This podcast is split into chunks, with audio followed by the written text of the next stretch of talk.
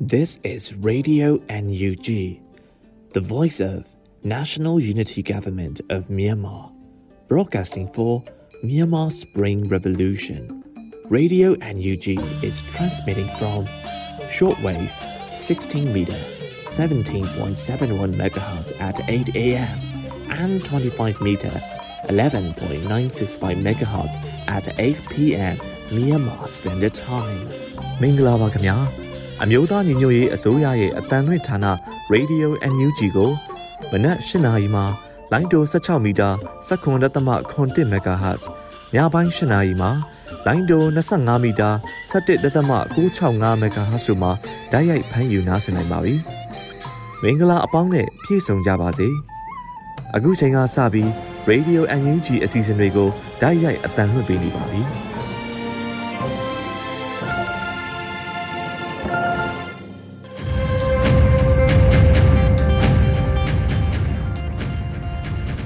မြန်မာနိုင်ငံသူနိုင်ငံသားအပေါင်းတဘာဝပြီးဆရာနာရှင်ဘေးတို့ကနေကင်းဝေးပြီးကိုစိတ်နှပါစမ်းမလုံးခြုံပေးကင်းကြပါစေလို့ရေဒီယို UNG အဖွဲ့သားများကဆုတောင်းမေတ္တာပို့သလိုက်ရပါတယ်ရှင်။အခုချိန်ကစပြီး Radio UNG ရဲ့ညနေခင်းအစီအစဉ်နောက်ဆုံးရသတင်းအကျဉ်းများကိုຫນွေဦးမုံကတင်ဆက်ပေးပါမယ်ရှင်။ခုချိန်ကစပြီးနောက်ဆုံးရသတင်းအကျဉ်းတွေကိုတင်ဆက်ပေးသွားမှာဖြစ်ပါတယ်။မြို့သားညီညွတ်ရေးအစိုးရ NUG ရဲ့ ကျန်းမာရေးဝန်ကြီးဌာန MOH ကိုဦးတည်ပြီးထိုင်းရောက်မြန်မာလူသားများကူညီဆောင်ရှောက်ရေးကော်မတီ AAC အဖွဲ့ကရမငွေရှာဖွေရေးအမှုပညာတင်ဆက်မှုပွဲတော်ကိုခမ်းနားစွာကျင်းပသွားဖို့ရှိနေပါတယ်။တော်လန်ကျမ်းမှာအနာဂတ်ကပါထိုင်းရောက်မြန်မာလို့အမည်ပေးထားတဲ့အခုအစီအစဉ်ကနေရရှိလာတဲ့ရမငွေတွေကိုကျန်းမာရေးဝန်ကြီးဌာနနဲ့တော်လန်ရေးအတွက်အောင်မြင်ဖို့လိုအပ်ချက်တွေကိုပံ့ပိုးဆောင်ရွက်သွားမှာဖြစ်ကြောင်းသိရပါတယ်။ ကန်ဆယ်မဲရမငွေမှတစ်ဆင့်ငွေကြေးတန်ဖိုးအပြင်တန်ဖိုးရှိတဲ့လက်ဆောင်များလူပညာရှင်များရဲ့အမှတ်တရတန်ဖိုးထားရမယ့်ဆုလက်ဆောင်များကိုကန်ထူးရှင်ရွေးချယ်ပြီးပေးအပ်သွားမှာပဲဖြစ်ပါတယ်။ပါဝင်မဲ့အမှုပညာရှင်များကတော့အဆိုတော်လင်းလင်းအဆိုတော်ခေါ်ရာကယ်ဒမီမင်းမော်ကွန်ဒရိုက်တာတီခစ်နေအဆိုတော်မူလာတရုတ်ဆောင်တီဟထွန်းရုပ်ရှင်တရုတ်ဆောင်ချစ်သူဝေအကယ်ဒမီပိုင်ဖြိုးသူတရုတ်ဆောင်များနှင်းရည်လွင်ဖန်ခိတ်ဒါတာ ညနိုးအေးဆီယာမနုရင်ဆီယာမမြူဖာကာတွန်းလကွန်အိမ်ကာတွန်းဝေယံတောင်ကြီးကောင်းစံတာရေးကြီးဒေါက်တာဖြိုးတီဟဒရိုက်တာကိုပေါက်တို့ဖြစ်ကြပါတယ်။နုပညာရှင်များရဲ့တော်လှန်ရေးအနုပညာနဲ့ကျန်းမာရေးအသိပညာတင်ဆက်မှုများကို DD Channel, PPTV, ခေတ်သစ်မီဒီယာမစ္စည်းမအပါအဝင် social media များမှတဆင့်အခမဲ့ဓာတ်ရိုက် free live show အစီအစဉ်များဖြင့်ထုတ်လွှင့်သွားမှာပဲဖြစ်ပါတယ်။ ကန်ဆန်းလက်မှတ်တစ်စောင်ကိုထိုင်းဘတ်ငွေ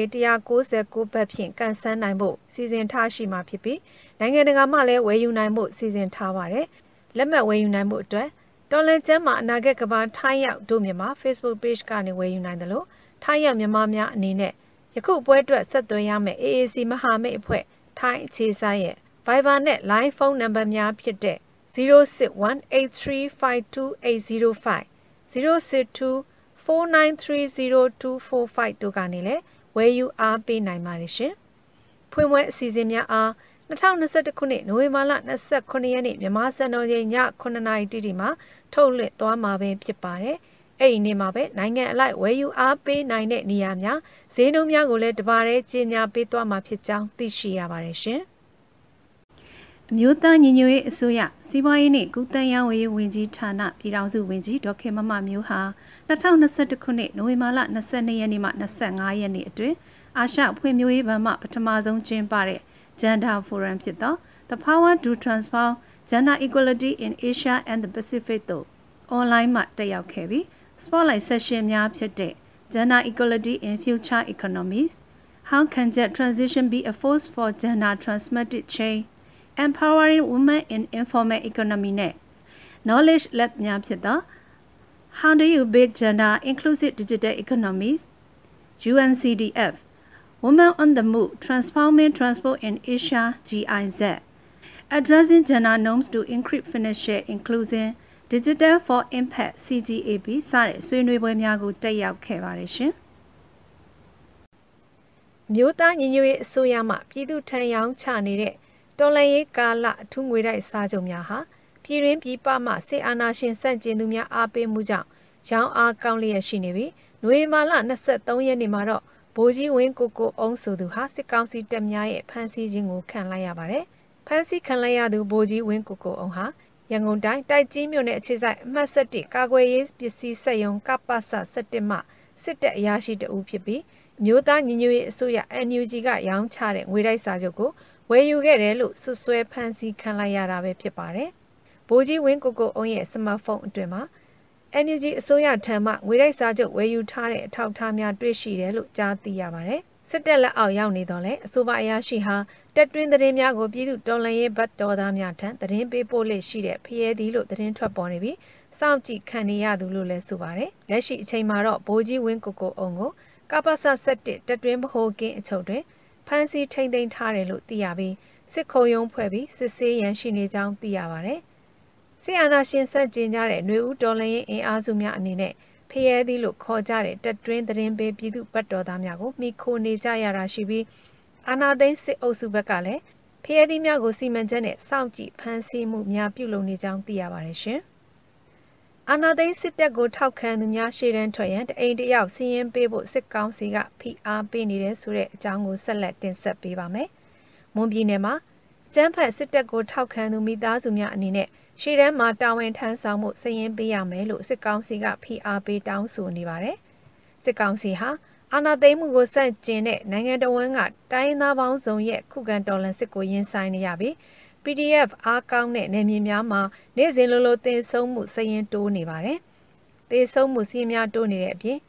အာနာဖီဆန်စီရီယံပြုတ်လုကြတဲ့အင်အားများလည်းများပြားလာတာကြောင့်အာနာသိန်းစစ်တပ်ဟာအရန်အင်အားများကိုအမြန်ဆုံးဖြည့်ဆည်းရန်စ조사နေတာလည်းဖြစ်ပါတယ်။ရှေ့တန်းစစ်မြေပြင်များကိုပို့ဆောင်မှုအတွက်ပြည်သူ့စစ်အမိခံအဖွဲ့ပြူစောထီနဲ့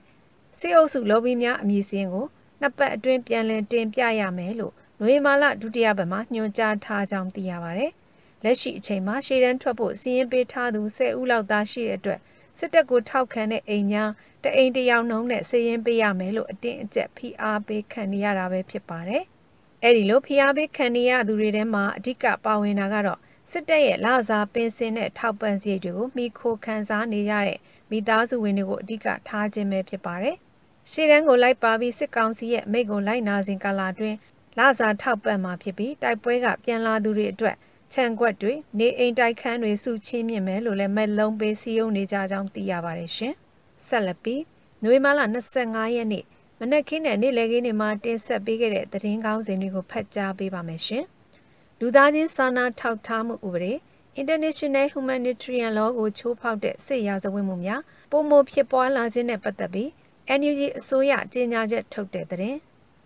မြန်မာနဲ့နယ်စပ်ဂိတ်အားလုံးကိုပိတ်ပင်ထားတာ6လကျော်ရှိခဲ့ရမှ တရုတ်ဘက်ကပြန်လည်ဖွင့်လှစ်လိုက်တဲ့သတင်းရန်ကုန်မြန်မာပလာဇာမှာစစ်တပ်ဆန့်ကျင်ရေးဆန္ဒပြလူငယ်နှုတ်ကိုပလာဇာလုံခြုံရေးဝန်ထမ်းများကဝိုင်းဝန်းထိုးကျိတ်ဖမ်းဆီးပြီးလူငယ်နှုတ်ထွက်ပြေးလွတ်မြောက်တဲ့သတင်းတဝဲကြောင့်အမိုက်ပုံပေးနေထိုင်သူများကိုငားရက်အတွင်းဖယ်ရှားရန်တတိပေးခံရတဲ့သတင်းတောင်တာမြို့နယ်မှာစစ်တပ်ကတပိတ်ကောင်းဆောင်ကိုဖမ်းဆီးပြီးရွာအတွင်းလှည့်လည်နှိပ်စက်ပြတဲ့တဲ့ ရမုံငွေရှာဖွေရေးနဲ့အမှုပညာတင်ဆက်မှုပွဲတော်ကိုထိုင်းရောက်မြန်မာလူသားများကုညီဆောက်ရှောက်ရေးကော်မတီ AAC အဖွဲ့ကဦးဆောင်ကျင်းပမယ်တဲ့စစ်ကောင်စီကစိတ်ကြိုက်ရွေးချယ်ထားတဲ့မြန်မာနိုင်ငံသတင်းမီဒီယာကောင်စီကိုဖွဲ့စည်းလိုက်တဲ့တဲ့ပြည်သူအစိုးရရောင်းချတဲ့ငွေတိုက်စာချုပ်ကိုဝယ်ယူတယ်လို့ဆွဆွဲပြီးစစ်တပ်အရာရှိဗိုလ်ကြီးဝင်းကိုကိုအုံဖမ်းဆီးခံရတဲ့တဲ့မွန်ပြည်နယ်မှာအာဏာသိမ်းစစ်တပ်ကိုထောက်ခံသူများရှေ့တန်းထွက်ရန်တအိမ်တယောက်စည်ရင်ပေးဖို့ စစ်ကောင်စီကဖိအားပေးနေတဲ့တဲ့ကုလသမဂ္ဂလူကုန်ကူးမှုတိုက်ဖျက်ရေးအထွေထွေညီလာခံမှာမျိုးသားညီညွတ်ရေးအစိုးရကိုယ်စားလှယ်အဖြစ်တန်အမတ်ကြီးဦးကျော်မိုးထွန်းတက်ရောက်မိန့်ခွန်းပြောကြားခဲ့တဲ့တဲ့မျိုးသားနေ့လူလူလှုပ်ရှားမှုရက်တရပတ်ကမ်ပိန်းကိုနိုဝင်ဘာလ29ရက်မှဒီဇင်ဘာလ4ရက်နေ့အထိလှုပ်ဆောင်သွားမယ်တဲ့တက်16နှစ်အရွယ်မောင်ဖုံးမြင့်အောင်ကိုကျန်းဖတ်စစ်ကောင်စီကဖမ်းဆီးပြီးစစ်ကြောရေးမှာတပ်ဖြတ်တဲ့တဲ့ စသည်တို့ကိုတင်ဆက်ပေးခဲ့တာပဲဖြစ်ပါတယ်။ကျမຫນွေဦးမွန်ပါဆက်လက်ပြီးဖြစ်တိုင်ကင်းလွတ်ခွန်အလေးထားအမြင့်ဖြတ်အမျိုးသမီးများအပေါ်အကြမ်းဖက်မှုအဆုံးသက်ဆိုတဲ့16ရက်တာဖဲကျူးဖြိုလှုပ်ရှားမှုမှာကာကွယ်ရေးဝန်ကြီးဌာနဝန်ကြီးဦးရင်မွန်ကပါဝင်နှိုးဆော်ထားတာကိုနားဆင်ရပါမယ်ရှင်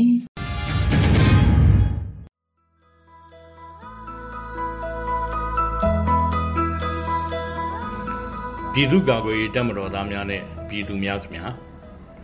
လူဖွဲ့စည်းတစ်ခုကိုအမှန်တကယ်ပုံဖော်ပေးတဲ့ဘိသုကာအစစ်မှန်တွေဟာအမျိုးသမီးတွေပဲဆိုတဲ့စကားတစ်ခုရှိပါတယ်ဒီစကားအင်မတန်မှန်ပါတယ်ဒီကနေ့မြန်မာနိုင်ငံမှာလူပေါင်းလူဖွဲ့စည်းသစ်ကိုပုံဖော်ဖို့ခေပြောင်းဒေါ်လာရေးတရဆင်နွှဲနေချိန်ဖြစ်ပါတယ်လူငယ်တွေကတော့ຫນွေဦးဒေါ်လာရေးလို့မော်ကုန်းကပြီးတင်ကြပါတယ် မြမຫນွေဦးဒေါ်လာရေးမှာလည်းအမျိုးသမီးတွေဟာအမျိုးသားတွေနဲ့ရင်မောင်တန်းပြီးရှေ့တန်းကတက်တက်ကြွကြွပါဝင်နေတာကို တွေ့နိုင်ပါတယ်လမ်းမပေါ်ကငင်းချမ်းတဲ့ဆန္ဒပြပွဲတွေမှာပဲဖြစ်ဖြစ်မြို့ပြပျောက်ကြားလှုပ်ရှားမှုမှာပဲဖြစ်ဖြစ်ကျေးလက်ဒေသကခုခံတွန်းလှန်စစ်ပွဲမှာပဲဖြစ်ဖြစ်ရှေ့တန်းကဥဆောင်ပါဝင်နေတဲ့အမျိုးသမီးတွေကို ကျွန်တော်တို့တွေ့နိုင်ပါတယ် ပြည်သူ့ကာကွယ်ရေးတပ်မတော်ထူထောင်တဲ့နေရာမှာလဲအမျိုးသမီးတွေဟာအရေးကြီးတဲ့အင်အားစုကြီးအဖြစ်ပါဝင်နေတာဖြစ်ပါတယ်အစဉ်လာအဖြစ်မြန်မာနိုင်ငံဟာအမျိုးသမီးတွေကို နေရာပေးတန်မိုးထားလေရှိတဲ့လူအဖွဲ့အစည်းဖြစ်ပါတယ်အမျိုးသမီးတွေပေါ်အကြမ်းဖက်တာဟာအလွန်ဆိုးရုပ်တဲ့လူကျင့်ဝတ်စည်းကမ်းဖောက်ဖျက်မှုအဖြစ်မှတ်ယူပြီးဖြစ်ပါတယ် ဒီပြစ်မှုမျိုးကိုဥပဒေကလည်းခွင့်မလွတ်သလို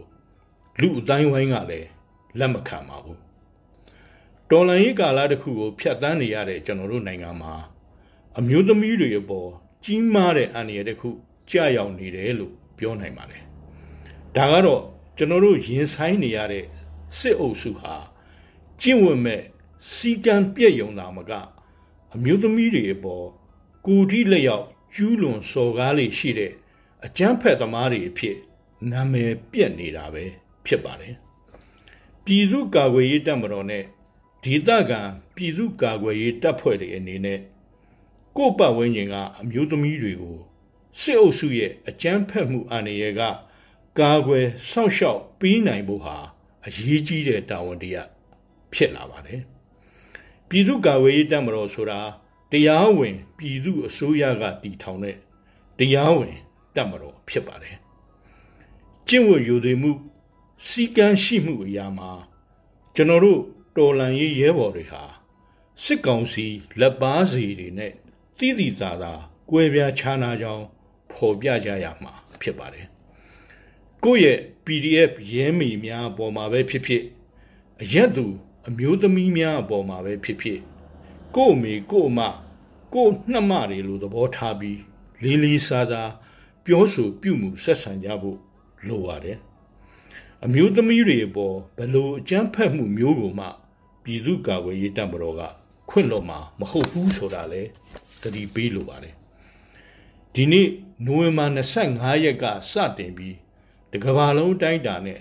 အမျိုးသမီးတွေအပေါ်အကြမ်းဖက်မှုအဆုံးသတ်ရေး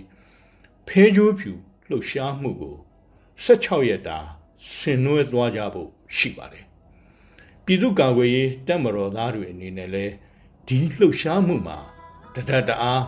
ပါဝင်ဆင်နွှဲသွားကြမှာဖြစ်ပါတယ်အမျိုးသမီးတွေအပေါ်အကြမ်းဖက်မှုများအဆုံးသတ်ရေးအတွက်ကျွန်တော်တို့အားလုံးမှာတာဝန်ရှိပါတယ်အထူးသဖြင့်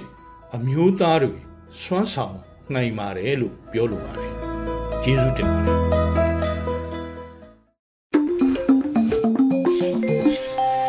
ဒီယို UNG မှဆက်လက်အတန်လှည့်နေပါတယ်။ဆက်လက်ပြီးအမျိုးသားနှင့်လှုပ်ရှားမှုရက်သက်တပတ်အကြောင်းကိုတေစာစမ်းတင်ပြထားတာကို နားဆင်ရပါမယ်ရှင်။လေးစားအပ်တဲ့ပြည်သူတို့ဂုံပြူအပ်တဲ့ပြည်သူတို့ခမကျွန်တော်ကတေစာစမ်းဖြစ်ပါတယ်။အဲကျွန်တော်တို့ဒီနေ့ဆိုရင်ဟာလာကျွန်တော်တို့မျိုးဦးတော်လန်ကြီးဒီစစ်အာဏာသိမ်းမှုနဲ့စစ်အာဏာရှင်စနစ်ကိုကျွန်တော်တို့ ပြည်သူလူထုတရက်လုံးကလက်မခံဘူးနီလန်မျိုးစုံနဲ့စန့်ကျင်တွန်းလှန်နေကြတဲ့ကျွန်တော်တို့လူထုတော်လှန်ရေးကြီးဟာချင်းကာလာအဖြစ်ဆယ်လာတဲ့ကိုဒါနော်ချင်းနေဝင်ရောက်လာပြီအဲကျွန်တော်တို့ဒီလိုမျိုးနီလန်ပေါင်းစုံနဲ့စစ်အာဏာရှင်စနစ်ကိုခုခံတယ်တွန်းလှန်တယ်ဆိုတဲ့နေရာမှာကျွန်တော်တို့ချုပ်ပြီးတော့ပြောရမယ်ဆိုကျွန်တော်တို့အမြဲတမ်းပြောနေကြပေါ့နော်ကျွန်တော်တို့တော်လန်ရေးရဲ့တိုက်ပွဲမှန်နိုင်ကြီး၅ခုဆိုတာကျွန်တော်တို့ဒါအမြဲတမ်းပြောခဲ့ပါတယ်အဲ့တော့ကျွန်တော်တို့ဒီအချိန်မှာအရေးကြီးဆုံးဖြစ်တဲ့ခုခံတော်လန်စစ်တိုက်ပွဲရှိမယ်နောက်ကျွန်တော်တို့ပြည်သူလူထု တရက်လုံးရဲ့ဒါဟလာဒပိတ်တိုက်ပွဲလမ်းမထက်ကဒပိတ်တိုက်ပွဲရှိမယ်နောက်ကျွန်တော်တို့ဒီနိုင်ငံဝန်ထမ်းတွေရဲ့ဒီရုံးမတက်ဖဲရုံးထွက်ခဲ့တဲ့ဒါ CDM နော်လှုပ်ရှားမှုတိုက်ပွဲရှိမယ်နောက်ကျွန်တော်တို့ဒီနိုင်ငံတကာမျက်နှာစာမှာတန်ကင်းတမန်ကင်းမှာကျွန်တော်တို့ဒီအကြမ်းဖက်စစ်ကောင်စီတီတရားမဝင်ဘူးကျွန်တော်တို့ရဲ့အမျိုးသားညီညွတ်ရေးအစိုးရကသာလျှင်တရားဝင်လူထုကိုစားပြုအစိုးရဖြစ်တယ်ဆိုတဲ့ဒီတရားဝင်မှုဆိုင်ရာ credential တိုက်ပွဲရှိမယ်ပေါ့နော် နောက်ဆုံးကျွန်တော်တို့ပြင်စမမြောက်ဒါဒေါ်လာရေးမှန်နိုင်ကတော့ကျွန်တော်တို့ပြောတဲ့ဘူးတပိတ်ဆိုတဲ့မှန်နိုင်ဖြစ်တယ်အခုကျွန်တော်အဓိကပြောလိုချင်ကဒီဘူးတပိတ်မှန်တိုင်းဒီဘူးတပိတ်တိုက်ပွဲနဲ့ပတ်သက်ပြီးတော့ပြည်သူလူထုကိုတင်ပြလိုချင်တိုက်တွန်းလိုချင်ဖြစ်ပါတယ်အဲ့တော့ဘူးတပိတ်လို့ပြောရင်ကျွန်တော်တို့ပြည်သူအားလုံးဒါမှတ်မိကြမယ်သဘောပေါက်ကြမယ်လို့ထင်ပါတယ်။ဘာလဲဆိုတော့ကျွန်တော်တို့ပြည်သူလူထုတရက်လုံးကအကြမ်းဖက်စစ်ကောင်စီကိုလက်မခံဘူးအတိအမတ်မပြုဘူးဟလာ စစ်ကောင်စီနဲ့အပတ်သက်မလုပ်ဘူးစစ်တပ်ပိုင်တဲ့သို့မဟုတ်စစ်တပ်နဲ့ဆိုင်တဲ့ဒီကုန်စီတွေဝန်ဆောင်မှုတွေအားလုံးကိုကျွန်တော်တို့ဟလာမဝယ်ယူဘူးအာမပေးဘူးအသုံးမပြုဘူးဟလာကျွန်တော်တို့အဲစရင်မတိုင်ဘူးအခွန်မဆောင်ဘူးပြည်သူငွေတပြားတစ်ချက်မှစစ်ကောင်စီဒီတော့မရောက်စေရဘူးဟလာစစ်တပ်ကထုတ်တဲ့စစ်တပ်ကညှို့ကြားနေတဲ့မတရားတဲ့အမိန့်အာဏာဩဇာမှန်သမျှကိုမလိုက်နာဘူးဆိုတော့ကျွန်တော်တို့ဒီအထွေထွေဘူးတပိတ်ဖြစ်ပါတယ်အဲလိုရင်းပြောရရင်တော့ဘူးတပိတ်ဆိုတာကပြည်သူလူထုတရက်လုံးကစစ်ကောင်စီကို အာဏာဖီဆန်တဲ့ဒါ public CDM လို့ကျွန်တော်တို့ဒါပြောလို့ရပါတယ်ကျွန်တော်တို့စီမှာဟာတော်တော်များများက CDM လို့ပြောရင်နိုင်ငံဝန်ထမ်းတွေပြည်သူဝန်ထမ်းတွေနဲ့ပဲသက်ဆိုင်နေထင်နေရတယ်ဒါမဟုတ်ပါဘူးတကယ်တမ်းကတော့ကျွန်တော်တို့ဒီအခုဒါဘူးတပိတ်ဒီပြည်သူလူထုတရက်လုံးဟလာလဲနေလေအောင်မြင်းဆောင်မကြံပါဝင်ဆင်နွှဲလို့ရတဲ့ CDM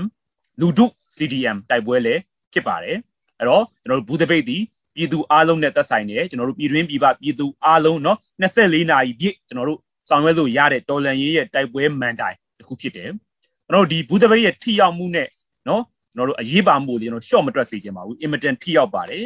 ဒီဘူးသပိတ်တိုက်ပွဲဒီစစ်ကောင်စီရဲ့ရေတောက်မြစ်တွေနော်စစ်ကောင်စီရဲ့နော်ဒီကျွန်တော်တို့အဓိကအရင်းမြစ်တွေအားလုံးကိုကျွန်တော်တို့ဒါရိုက်လက်ပစ်လိုက်တဲ့နော်ဖြိုလက်ပစ်လိုက်တဲ့ကျွန်တော်တို့ immediate မှာထိရောက်တဲ့ကျွန်တော်တို့ဒါသပိတ်လက်နက်တစ်ခုလည်းဖြစ်တယ်ဆိုတာကိုဒါအလေးနဲ့တင်ပြလိုခြင်းဖြစ်တယ်ဒါကြောင့်လူတူအားလုံးကဒီဘူးသပိတ်တိုက်ပွဲမှာကျွန်တော်တို့ဒါနော်အစွမ်းကုန်ပါဝင်ဖို့ အရေးကြီးပါတယ်။အဲဒီချိန်မှာပဲကျွန်တော်တို့တိုက်တိုက်ဆိုင်ဆိုင်ဆိုသူလိုပေါ့ဗျာ။ဒီနေ့ကျွန်တော်တို့အားလုံးသိကြပါတယ်။ဒါကျွန်တော်တို့ဒါမကြခင်ကျွန်တော်တို့တစောင်းမုံးလာပြည့်ကျော်10ရက်နေ့ရောက်ရှိလို့လာတော့မယ်နော်။ကျွန်တော်တို့အင်္ဂလိပ်လိုတော့ကျွန်တော်တို့ဒါနော်အခုနိုဗ ెంబ ာ28ရက်နေ့ကတစောင်းမုံးလာပြည့်ကျော်10ရက်နေ့ဖြစ်ပါတယ်။တစောင်းမုံးလာပြည့်ကျော်10ရက်နေ့ကဘာနေ့လဲဆိုတာတော့ကျွန်တော်တို့အထူးပြောစရာမလိုတော့ဘူး။ကျွန်တော်တို့အမျိုးသားနေ့အမျိုးသားအောင်ပွဲနေ့ဖြစ်တယ်။အမျိုးသားနေ့ဆိုတာလေကျွန်တော်တို့မြန်မာသမိုင်းမှာပြန်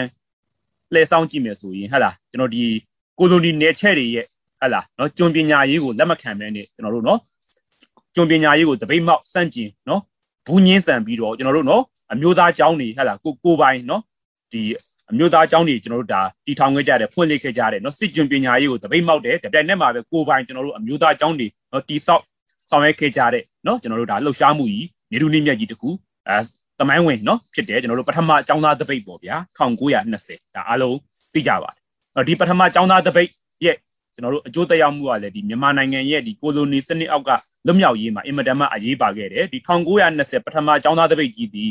ဒီပြည်သူလူထုအားလုံးကိုနိုင်ငံရေးအသိစိတ်ဓာတ်ကိုအုံနဲ့ကျင့်နဲ့ကျွန်တော်တို့တိုးတက်မြင်မစေခဲ့တဲ့သမိုင်းဝင်ကျွန်တော်တို့လူထုလှုပ်ရှားမှုကြီးလည်းဖြစ်တယ်အဲ့တော့အခုဒါတိုက်တိုက်ဆိုင်ဆိုင်ဆိုလိုပဲကျွန်တော်တို့ကဒီ2021နွေဦးတော်လန်ရေးမှာကျွန်တော်တို့အာနာရှင်ကိုဘူးတပိတ်လုပ်ပြီးတော့เนาะကျွန်တော်တို့စန့်ကျင်ကြဖို့တိုင်တွန်းနေတဲ့အချိန်ပဲအခုဒါအမျိုးသားနှိပ်ဆိုတာလဲ ကိုလိုနီနေချက်တွေကိုကျွန်တော်တို့ဘူးညင်းဆန်ခဲ့တဲ့เนาะလှုပ်ရှားမှုတစ်ခုလည်းဖြစ်တယ်ဒါကြောင့်ကျွန်တော်တို့အနေနဲ့เนาะဒီအခုအဓိကတိုက်တွန်းလို့ဆိုချင်တာကဒီ1920မြို့သားနှစ်အရေးတော်ပုံကြီးဒါ100တနှစ်ပြည့်ပေါ့ဗျာကျွန်တော်အခု2021ဆိုတော့เนาะ100တနှစ်ပြည့်မှာဒီအမျိုးသားနေ့ရဲ့เนาะလှုပ်ရှားမှုတွေဝิญဉ်တွေအဋိဌာန်တွေကိုထုံကူးရယူပြီးတော့2021မှာလဲဒီစစ်အာဏာရှင်တွေကိုเนาะကျွန်တော်တို့အထွေထွေဘူးတပိတ်စန့်ကျင်ဆင်နွှဲကြပါစို့လို့ပြောလိုပါတယ်အဲ့တော့ကျွန်တော်တို့ စစ်ကြုံမခံဘူးကျွန်တော်တို့ဒီစစ်ကြုံမခံဘူးညင်းဆန်ပြီးတော့ကျွန်တော်တို့ဒီအမျိုးသားနေ့ရဲ့အတိတ်ထန်နဲ့အညီကျွန်တော်တို့နော်ဒါအမျိုးသားနေ့ဝိညာဉ်တွေကိုထွန်ကူးရယူကြမယ်ကျွန်တော်တို့ဘူးတပိတ်တိုက်ပွဲကိုပြည်သူလူထုအားလုံးဆင်နွှဲကြမယ်လို့ကျွန်တော်တို့ပြောလိုတယ်အဲ့တော့ကျွန်တော်တို့ပြည်သူလူထုတရက်လုံးညီညွတ်ဖို့လိုပါတယ်စုစည်းဖို့လိုပါတယ်ဒီဘူးတပိတ်တိုက်ပွဲမှာအစွမ်းကုန်ပါဝင်ရဖို့ကျွန်တော်တို့ကဒါတိုက်တွန်းနှိုးဆော်လို့အရင်ဖြစ်ပါတယ်ခင်ဗျအဲ့တော့ကျွန်တော်တို့ဘူးတလုံးဆောင်ရေးအရေးတော်ပုံမုတ်ချအောင်ရမယ် ဆက်လက်ပြီး Radio UNG ရဲ့တော်လာရေးတိတ်ဂီတအစီအစဉ်မှတမိုင်းတစ်ခုရဲ့ဝိညာဉ်များဆိုတဲ့သချင်းကိုနားဆင်ရပါမယ်ရှင်။